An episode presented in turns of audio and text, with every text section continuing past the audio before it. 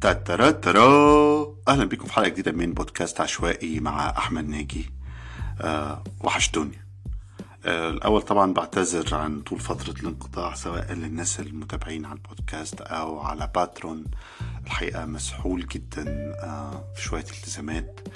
وبس في نفس الوقت كنت بحضر لسيزون جديد وكنت ناوي أبدأ تسجيل وشغل عليه يعني آخر ديسمبر أو يناير. آه لكن حسيت إنه محتاج آه أسجل لكم حاجة جديدة آه النهاردة.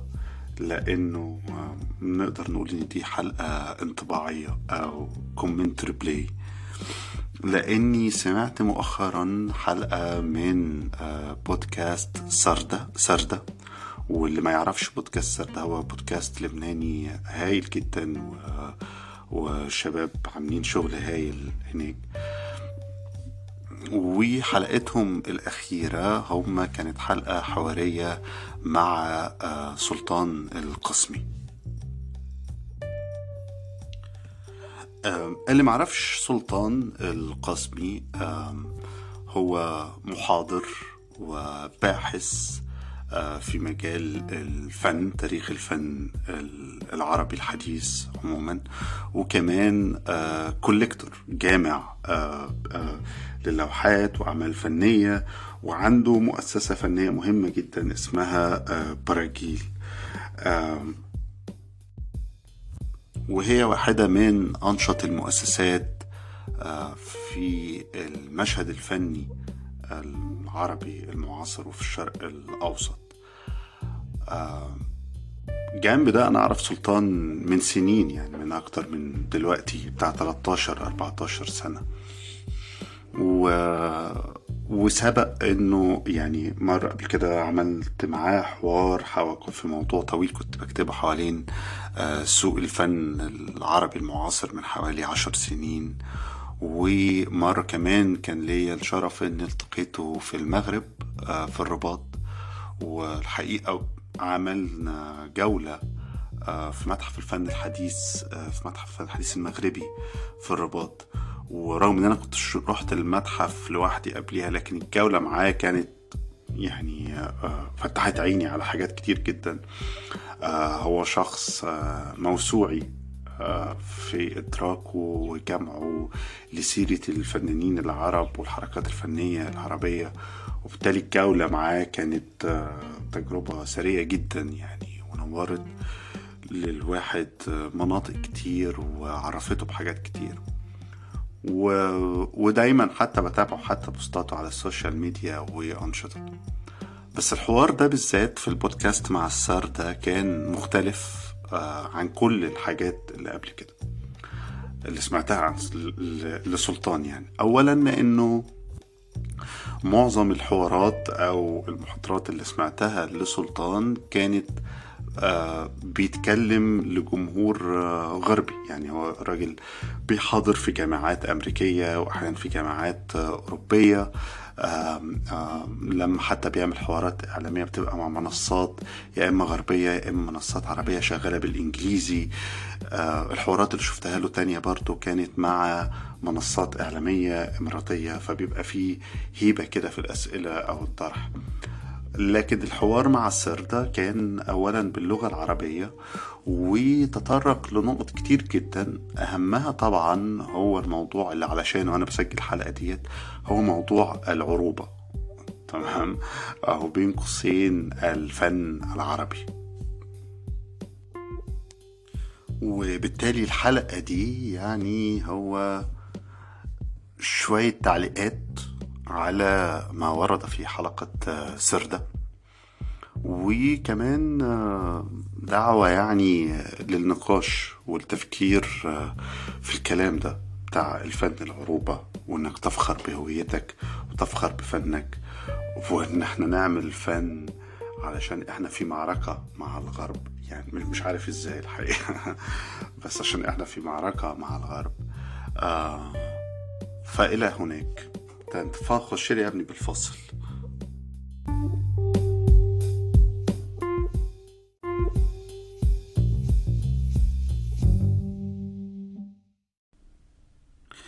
طيب باختصار شديد لما بنسمع الحلقة بتاعت سردة ديت وكلام سلطان وهو واحد زي ما قلت سواء من هو أو من عبر المؤسسة بتاعته من أهم المحركين والفاعلين في المشهد الفني العربي المعاصر آه، مؤخرا في العقد الأخير.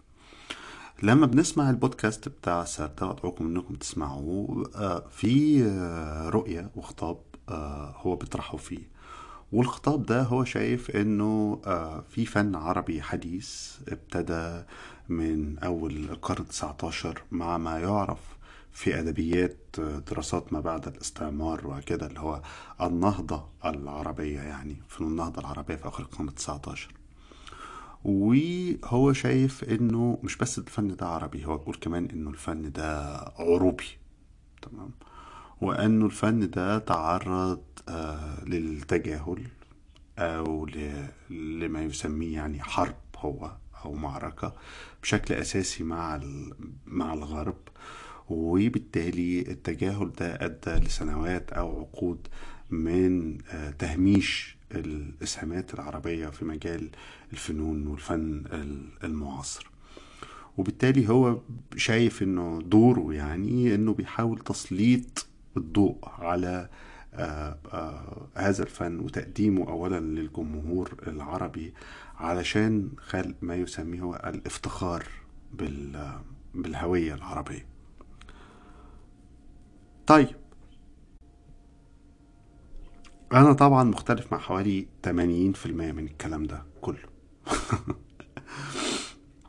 أول حاجة طبعا ويعني أعتقد اتكلمت عن الموضوع ده في حلقات كتير وفي كتابتي إنه آه في ثقافة عربية آه في ثقافة عربية في لغة لغة عربية بتجمع ال ال الناس بيتحدثوا أكتر من حوالي 300 مليون بني آدم بيتحدثوا اللغة ديت. وفي آه، استثمار سياسي حصل بداية من آه، بداية القرن العشرين يعني في خطاب آه، عروبي بشكل واضح سياسي جدا لتأسيس خطاب عروبي ضد الآخر الاحتلال. وضد الآخر سلطان في كلامه. مثلا عمال بيتكلم على احتلال غربي بس هو الحقيقة إنه الثورة العربية الكبرى مثلا في شبه الجزيرة العربية أو في أرض الحجاز زي ما كان بيطلق عليها وقتها هي ما كانتش ضد الغرب. هي كانت ضد المستعمر العثماني أو التركي. والخطاب القومي العروبي بالذات في الدول العراق ولبنان وسوريا والشام آه تبلور بعد الحرب العالمية الثانية ضد الاستعمار الغربي. بس بداياته في الفترة بتاعت الحرب العالمية الأولى كان بشكل واضح جدا ضد الاستعمار التركي وإنه كان في حاجة عند الناس السكان أهل الشوام دول تعددهم الطائفي والديني آه والعرقي. إنه بحث عن هوية جامعة ليهم يقدروا بيها يعني يتخلصوا من تسلط أو شرعية التسلط الديني آه اللي جاي من ناحية تركيا أو العثمانيين. وده كله كان تحت طموح أو حلم كبير جدا هو اسمه مشروع التحرر الوطني. ومشروع التحرر الوطني ده كان له أشكال مختلفة ومتعددة تماما جدا في كل دولة عربية. كل دولة عربية على حسب سياقها وعلى حسب تجربتها السياسية كان عندها مشروع التحرر الوطني بتاعها. في مصر مثلا زي ما كان في العربيين كان في الشيوعيين كان في البحر الأبيض المتوسطيين وإلى آخره. وبالتالي هنا أنا عايز أوضح فرق بين حاجتين. أنت ممكن تكون عربي الثقافة لأنه لغتك وبالتالي لغتك دي بتسمح لك أنك تفتح تقرأ كتاب مكتوب من ألف سنة كاتب واحد اسمه الجاحظ أو قصيدة شعر كاتبها واحد اسمه أبو نواس اللي هو أصلا ما كانش عربي كان فارسي مثلا. تمام؟ وتقراها وتفهمها وتحس بيها. سواء بقى كنت أنت مولود في مصر مولود في الخليج آه، مولود في المغرب. ففي ثقافة عربية بالتأكيد وفي أداب عربية وفي فنون عربية. لكن كل ده ما هياش معناه إن هي عروبية. لأن العروبة ب... ب... بالشكل كمان اللي السلطان كان بيتحد بيتكلم عليه في سردة هي آه، خطاب سياسي. والخطاب السياسي ده فيه مشكلة ضخمة جدا جدا جدا جوهرية. وعلشان كده إحنا أنا شخصيا مثلا واحد من الناس اللي قرفانين من الخطاب ده خطاب القومية العربية ده عموما أو الخطاب العروبي. تمام. لأنه خطاب سياسي نشأ اولا في وقت أنت كنت مستعمر فيه. تمام. فهو نشأ واتبلور في مواجهة الآخر. الآخر ده بقى ممكن يبقى تركيا ممكن يبقى بريطانيا فرنسا وممكن يبقى إسرائيل. وعلشان كده في الخطاب العروبي ده بيتبنى آه، آه، المقولة بتاعت أن فلسطين هي البوصلة وفلسطين هي الجامع وفلسطين هي مش عارف إيه. ببساطة شديدة لأنه آه وده رأي شخصي يعني أنا شايف إنه من غير إسرائيل مفيش خطاب عروبي. يعني من غير يعني لو حاولنا نتخيل عدم وجود إسرائيل مفيش خطاب عروبي قومي ولذلك الخطاب العروبي القومي ده بعد ما حصل التحرر من الاستعمار الأجنبي في حالات زي مصر اللي هي جمهورية عبد الناصر تزعمت تشكيل الخطاب العروبي ده في الخمسينات والستينات وصياغته بشكله المعاصر اللي إحنا نعرفه تمام؟ هو بعد ما انتصر وطرد الاستعمار هو الخطاب القومي أصله ما يقدرش يستمر بدون حرب. بدون حالة عداء. وده الكلام حتى اللي هو بيقوله سلطان في حواره. يعني هو عمال بيتكلم إنه سلحونا أعطونا السلاح أعطونا الحرية أعطونا مش عارف إيه. ليه؟ أنا مش عايز أحارب. يعني أنا أنا أنا وأكاد أجمع إنه عشرات وآلاف وملايين العرب إحنا مش عايزين نقضي حياتنا في حرب. ومش عايزين نثبت لحد حاجة. تمام. والخطاب القومي السياسي العروبي ده زي ما بقول لكم في الأول جوهر مشكلته إنه بعد ما نتخلص من الاستعمار دور لازم ندور على عدو آخر. فالعدو الآخر ده بقى في فترة ده وقت عبد الناصر بقى الرجعية ها الرجعيه العربية اللي هي ببساطة شديدة الحكومات والدول القبلية في الخليج. تمام؟ دور على اليهود وطردهم. دور على كل التنظيمات السياسية في مصر وسجنهم وضربهم لأنه طول لما أنت بتعمل خطاب سياسي أساسه فكرة الحرب وأساسه فكرة الانتصار والمواجهة وإثبات نفسه من خلال فرض نفسه. طيب من خلال هو بيأدب نفسه اللي هو أنا مضطهد دائما وأنا مظلوم ودلوقتي حانت لحظتي. فهو أول ما بيتخلص من المستعمر الخارجي بيدور على المختلف الداخلي وبيفشخه. وده اللي شفناه حصل سواء في تجربة جمال عبد الناصر أو تجربة أحزاب البعث في الشام والعراق. تمام؟ أو حتى في تجارب زي اللي حصل في الجزائر والحزب الواحد بعد التحرير. يعني يعني اللي هو الناس دفعت الثمن مليون شهيد واتحررت من الاستعمار الفرنسي الكخة وبعد كده فرض عليها منطق الحزب الواحد ومنطق الهيمنة العسكرية بتاعت الجيوش اللي إحنا عايشين فيها. وبالتالي المشكلة لما بقول إنه الخطاب بقى الهزلي جدا اللي هو لما تتكلم مع حد فتقول له لا أنا ضد موضوع القومية العربية ده. يقول لك إيه ده يعني أنت مش عربي؟ لا عادي يعني على أنا ممكن أبقى عربي ومصري ومثلي وواحدة ست و... و... وشيوعي وممكن يبقى عندي انتماءات متعددة تماما. ومن ضمن الانتماءات دي إن أنا ضد خطابك السياسي القومي العروبي ده تمام. والخطاب ده بيستنفذنا بيستنفذنا وبيخلينا دايما واقعين في التناقض اللي هو بقى آه لو حد سمع الحلقة دي بتاعت سردة تلاقيه واضح حتى في خطاب سلطان لأنه التناقض كمان جزء أساسي من بنية الخطاب القومي العروبي إن هو مثلا يقول لك إيه إحنا مش عايزين بقى عقدة الخواجة وعايزين نتخلص من عقدة الخواجة لكن في نفس الوقت إحنا بن عايزين نوري الغرب. إن إحنا فننا جامد وناخد الاعتراف من هذا الغرب. شيء غريب كده ومكلكع. ومتناقض على نفسه. تمام؟ لكن عايزين نبعد عن السياسة ونروح للفن. حلو. وهنا آه، آه، شفنا كلنا يعني في آخر 15 20 سنة آه، الدول الخليجية تح...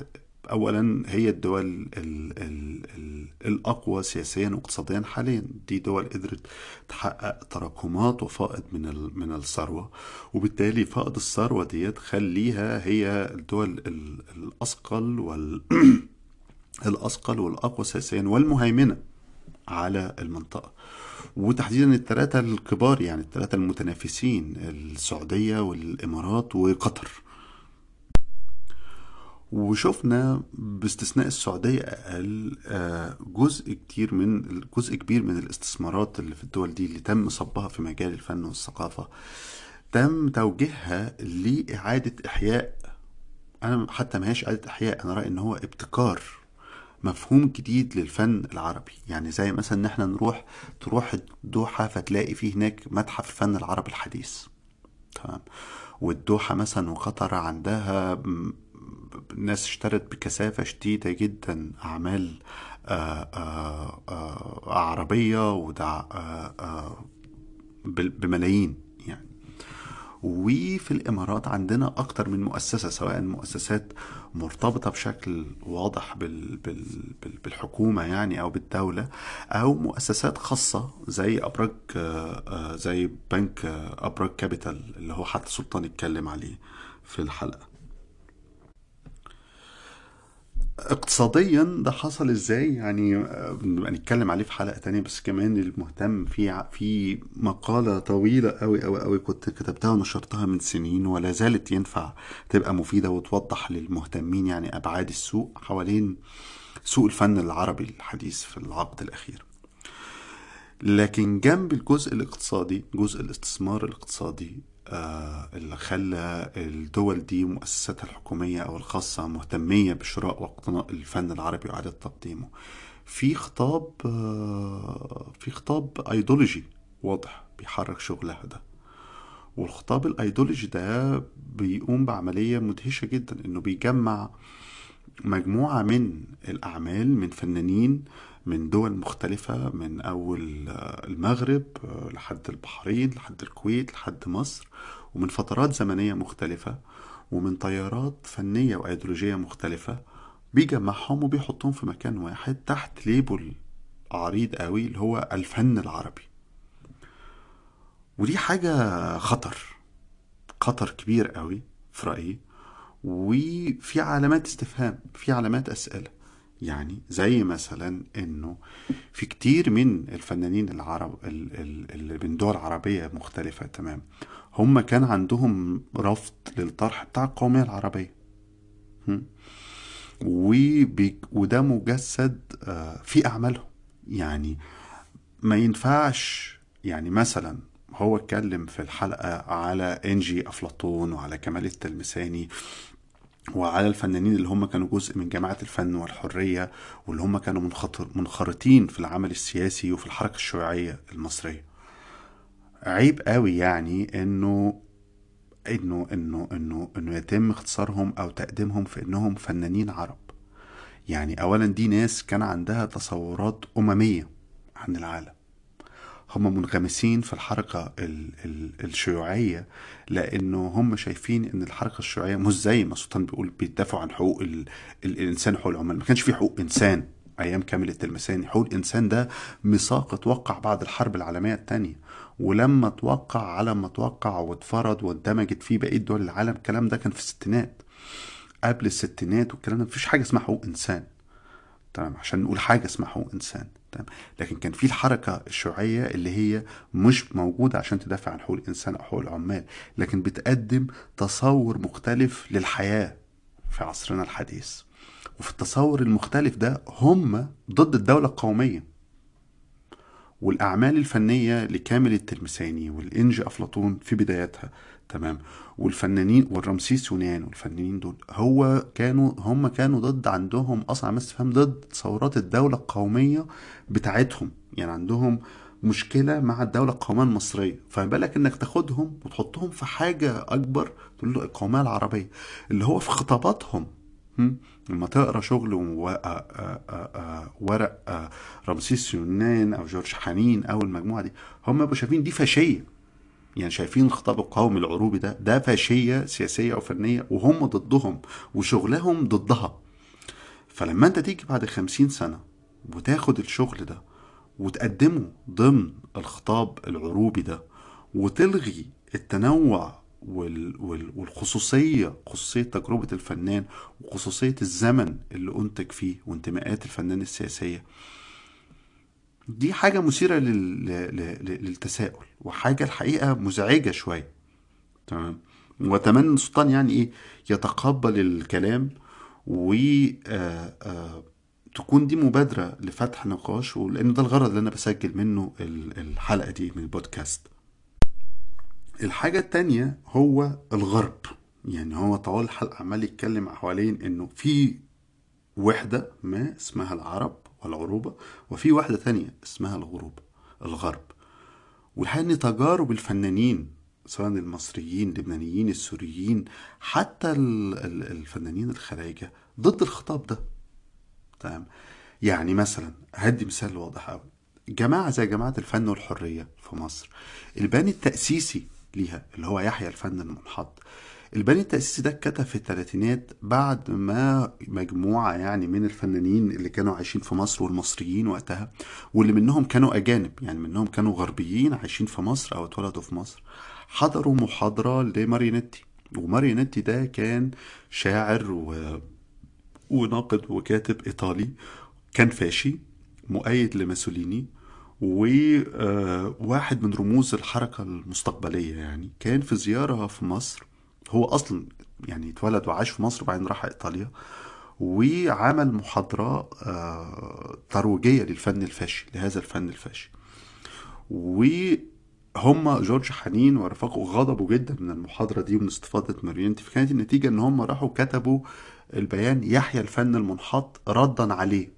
لأنه هو في طرحه الفاشي والفن الفاشي كان شايف إنه في فنون منحطة اللي هي وقتها كان بيتكلم عن إيه؟ كان بيتكلم عن الحركة التكعيبية والحركة الدادية والحركة السريالية دي فنون منحطة وفي فن حقيقي بقى فن حديث معاصر اللي هو المكنة والمستقبليين وإلى آخره. فهم وقعوا عملوا البيان بتاع الفن المنحط ردا عليه تمام وفي المقابل النموذج اللي قدموه نموذج عابر لده إنه ما ينفعش تواجه الفاشية ما ينفعش تواجه الاستعمار ها وإنت بتقول آه، آه، أنا هنتج فاشية مضادة تحاربها.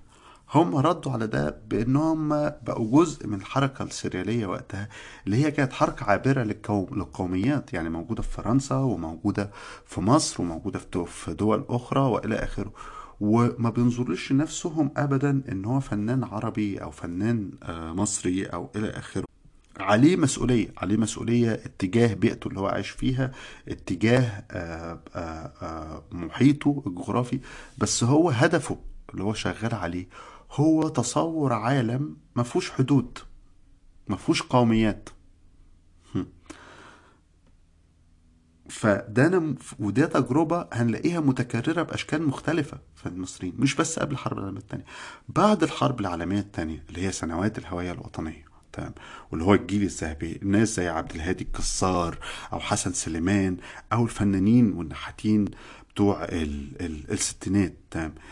ال في كتير منهم آه راحوا اشتغلوا مع الأنظمة سواء بقى مع الدولة في مصر أو مع حزب البحث. وأنتجوا فنون بروباجندا سياسية.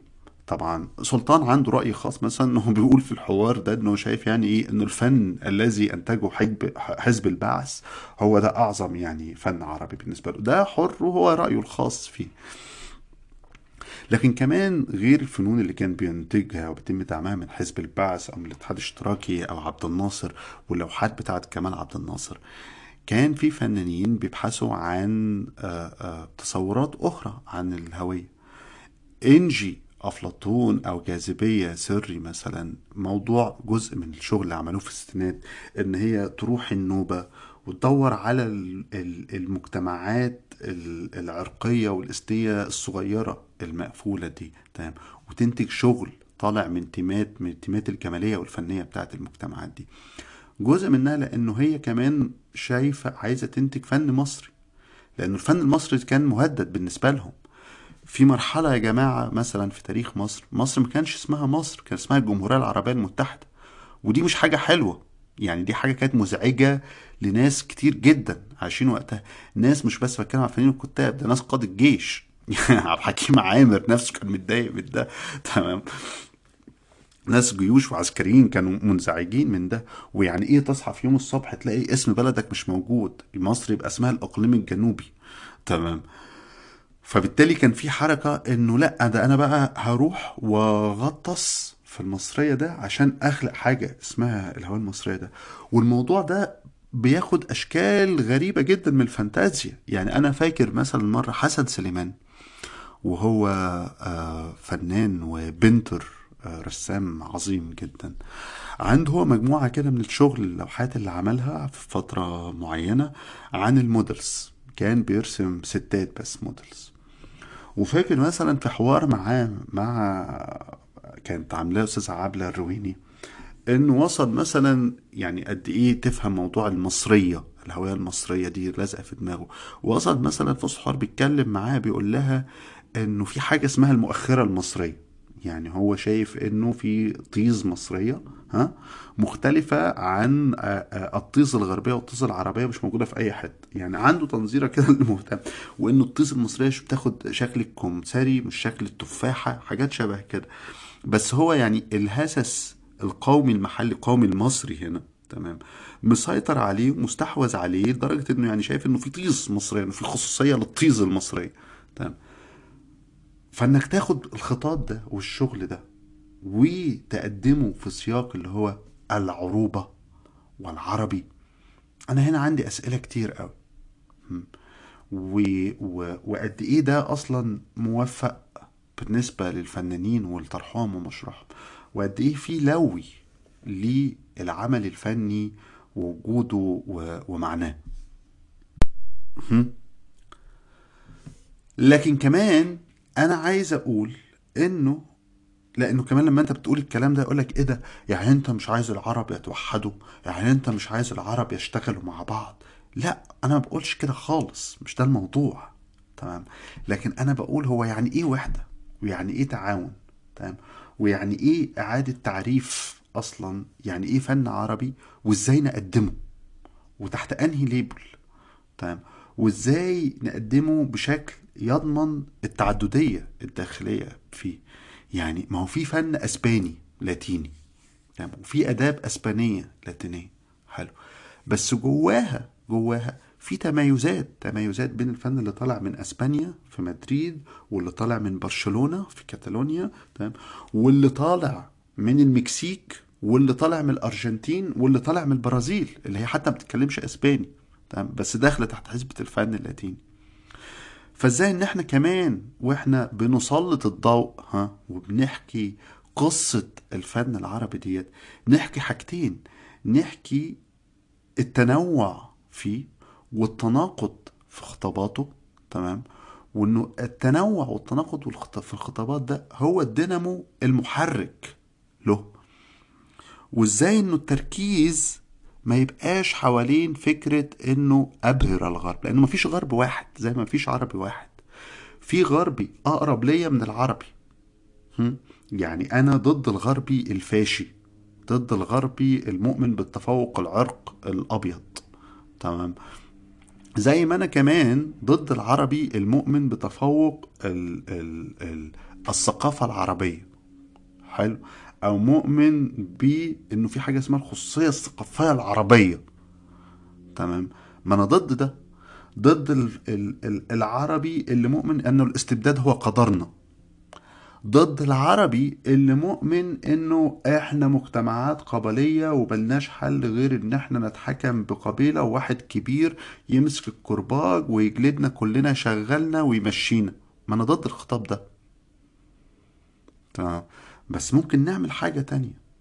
يعني ممكن العرب تمام أو متحدثين اللغة العربية والفنانين اللي بينتجوا فنون تحت أسماء عربية نلاقي وسيلة للتواصل وللليبلز كمان لتحط التصنيفات. لحط التصنيفات. أنا ما زرتش المعرض اللي في بيروت اللي هم واضح الحلقة كانوا بيتكلموا عليها. بس مش منطقي ابدا بالنسبة لي إنه يتحط شغل واحدة زي انجي أفلاطون جنب شغل حد زي جواد سليم وإنه الاتنين يتقدموا بصفتهم حاجة واحدة أو إنتاج واحد. تمام؟ لا الاتنين متناقضين والاتنين ضد بعض. تمام؟ عبد الهادي الجزار لما يرسم السد العالي فيعملوا إنسان السد العالي غير رسومات عشرات الفنانين المصريين اللي اشتغلوا على السد العالي وأنتجوا أعمال هي أقرب للبروباجندا الحكومية. تمام؟ فلازم التنوع والتناقض في الاختباط ده يبقى واضح علشان اللي يوصل لينا إحنا اللي يوصل للمتلقي الشاب اللي انت يا سلطان مهتم انك تنوره أو تسلط الضوء بالعربية يوصل له مش انه آه إحنا عرب وفي الغرب الشرير وفي الغرب مش عارف إيه لا انه أنا عربي ممكن ابقى متنوع ابقى مختلف. أنا عربي ممكن ابقى مثلي جنسيا. أنا عربي ممكن ابقى واحدة ست. أنا عربي ومؤمن أبقى رأسمالي ليبرالي أبقى اناركي شيوعي أبقى أي حاجة. تمام. أنا عربي وممكن أنتج فن. آه مكتوب باللغة العربية وأنا بتحدث اللغة العربية أو شايف نفسي بنتمي للثقافة العربية. بس كمان في نقد لهذه الثقافة ومشكلياتها ومشكلاتها وإرثها المعقد جدا واحيانا المقرف جدا. وعلشان ده يحصل عشان ده يحصل لازم هن هنخش في خطوط حمراء هنقطع خطوط حمراء والفن الحقيقي هو فن بيقطع خطوط حمراء كل الفنانين الكبار اللي انت يعني بتستشهد بيهم وقعدوا يتكلموا عنهم في الحلقة قطعوا خطوط حمراء ودفعوا ثمن لقطعهم هذه الخطوط الحمراء ولمواجهتهم. ولازم يبقى في كلام أكثر صراحة. يعني أنا كنت أتوقع كلام أكثر صراحة في موضوع السردة. بس كمان واضح إنه الزملاء في سردة يعني كانوا بعاد شوية عن مشهد الفن العربي المعاصر واقتصادياته. يعني إنه في أسئلة مثلا لازم أطرحها حوالين استثمارات القطاع الخاص في الفن العربي وفكرة إعادة تقديم الفن العربي والجزء اللي بتعمله العمليات الاقتصادية المختلفة سواء بقى عمليات اقتصادية زي تحويل اللوحات والأعمال الفنية ديت كوسائل أو وسائط لتخزين القيمة. يعني هي هي البنوك سواء مجموعة أبراج كابيتال ولا غيرها هي بتشتري ليه أعمال فنية؟ لأنه مفيش استثمار يجي زي الأعمال الفنية أنت واحد معاك 100 مليون هتحطهم في مجموعة لوحات النهاردة هتشتريهم ب 100 مليون هتبيعهم بعد خمس سنين ب 150 200 مليون. والعملية ديت وطبيعة سوق الفن سواء في الشرق الأوسط أو في العالم بتسمح مثلا بمشكلة ضخمة زي غسيل الأموال. ده بيودينا لفين؟ عمليات غسيل الأموال دي اللي بتحصل في سوق الفن العربي. الاستثمارات المبالغ فيها. يعني هو لما تخش أبراج كابيتال من من 10 سنين أيام ما كانوا شغالين ولما ابتدوا يخشوا مجال الفن المعاصر ونبتدي نشوف أرقام خيالية مفزعة بتتصرف على سواء لشراء لوحات أو لمشاريع فنية غائمة الطابع كده. يعني ما يعني ما ملهاش أي توجه ولا طابع ولا خطاب سياسي محدد. وجمالياتها استاتيكية وانطباعية جدا. ها؟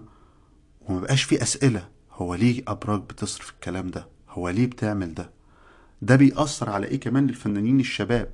يعني هو الفنان ال- العربي الشاب لما يلاقي إنه بيبقى قدام أسئلته وتحدياته الشخصية يرسم أو يعمل الفن اللي هو حاسس بيه ولا يعمل الفن اللي يلاقي المؤسسات الاقتصادية الضخمة ديت مهتمية بدعمه مهتمية بتشجيعه هيروح لفين؟ هم؟ هيروح لفين هم؟ تاني وتالت ولذلك السؤال اللي بنقوم نرجع له تاني. في آخر الحلقة بيقعد يقول آه الفن ثورة والفن مقاومة والفن وسلطان يقول ودونا السلاح سلحونا هو الناس مش عايزة تسلح. مش حد عايز يشيل السلاح ولا حد عايز يخوض حرب. لكن ما نحتاجه هو الحرية. مش بس الحر... الحرية بشكل أساسي في حاجتين حرية الرأي والتعبير وحرية التنظيم. وبدون الاتنين دول إحنا مش هنقدر نبص برضه بحرية للإرث الثقافي الفني ده. يعني إيه مش هنقدر نبص له بحرية؟ لأن كل ما بنيجي نبص له أو كل ما يحصل إعادة تقييم وتقديم وتقديم له بتنط المؤسسات السياسية والمؤسسات الاقتصادية وتستغل نفوذها في تجميعه وتقديمها علشان تقديم خطابها السياسي. يعني في جامعة الفن والحرية مثلا شفنا من حوالي خمس سنين لما مركز بامبدو في فرنسا راحوا جابوا سام برتويل تمام. ونزل وقعد يجمع فيها طبعا الحاجات اللي اشتروها وفي الحاجات اللي خدوها من متاحف سواء في مصر أو من مجموعات خاصة. وراح كل ده اتعرض في مركز المعرض اتعمل أول مرة في مركز بامبدو تمام. ووقتها جزء من ده بوضوح شديد ده كان متقال بشكل صريح تمام. وسلطان يعرف يعني.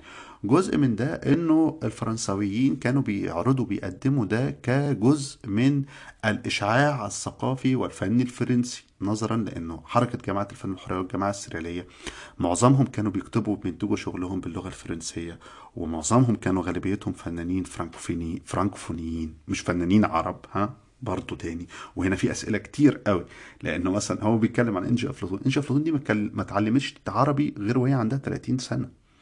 لأنها عاشت حياتها بتتكلم وبتكتب بالفرنساوي. فهم كانوا فنانين مصريين مولودين وعايشين في مصر لكن فرانكفون? وبالتالي فرنسا لما جت من خمس سنين جابت جابت سام باردويل وعمل المعرض اللي اتعمل أول في مركز بومبيدو هو هنا فرنسا صرفت على سام باردويل وصرفت على ال- المشروع عشان تقدمه كجزء من خطاب الهيمنة الثقافية الفرنسية. حلو. وقتها الشارقه مؤسسة في المؤسسة الفنية في الشارقة. برضو راحوا عملوا معرض معارض لمعرض جماعة الفن والحرية. وتم تقديم الفنانين ال- ال- الحركة السريالية بصفتهم فنانين عرب. تمام؟ فانت هنا بقيت قصاد خطابين في أعمال فنية حركة فنية ملهمة جدا وسرية جدا. حركة فنية قامت على الإيمان بال- بالحرية المطلقة بحرية الفرد بحق الناس في تنظيم نفسهم وفي العمل والحق في الحلم والخيال وتحطيم القيود والرأسمالية. فجأة بعد خمسين سنة تراثها بي- بيتم إعادة تقديمه يا إما كجزء من إشعاع الدولة الفرنسية اللي هم عاشوا حياتهم بيشتموا وبينقضوها يعني أو بصفتهم الخطاب جزء من الفن العربي اللي هم أصلا ما كانوش يعرفوا إيه هو. يعني وقتها ما كانش في حاجة. يعني هم مثلا جماعة الفن الحرية كانوا بيخوضوا صراعات مع طه حسين على مستوى تاني خالص على أساس إن واحد طه حسين ده كان بي- بيقول إن مصر هويتها في في حاجة اسمها هوية دولة ال- البحر الأبيض المتوسط. تمام. بعد خمسين سنة هوب بتاخد الشغل وتقدم زي ما قلنا. يا إما خطاب الدولة الفرنسية يا إما خطاب عروبي ليه؟ طب إمتى وإزاي هنقدر نبقى أحرار من التسلط السياسي ده الفارض هيمنته بشكل ما على الخطاب الفني. تمام؟ وإذا ما كناش نبقى أحرار تماما إزاي نقدر نخلق مناطق أو هوامش نقدر نتفاوض من خلالها على إنه حكايات الناس الحقيقية دي تتعرض زي ما هي وإنه ده يتقدم بشكل ملهم لل- لل- للفنانين وللشباب. بس وشكرا وأسف إني طولت عليكم. تترا ترا.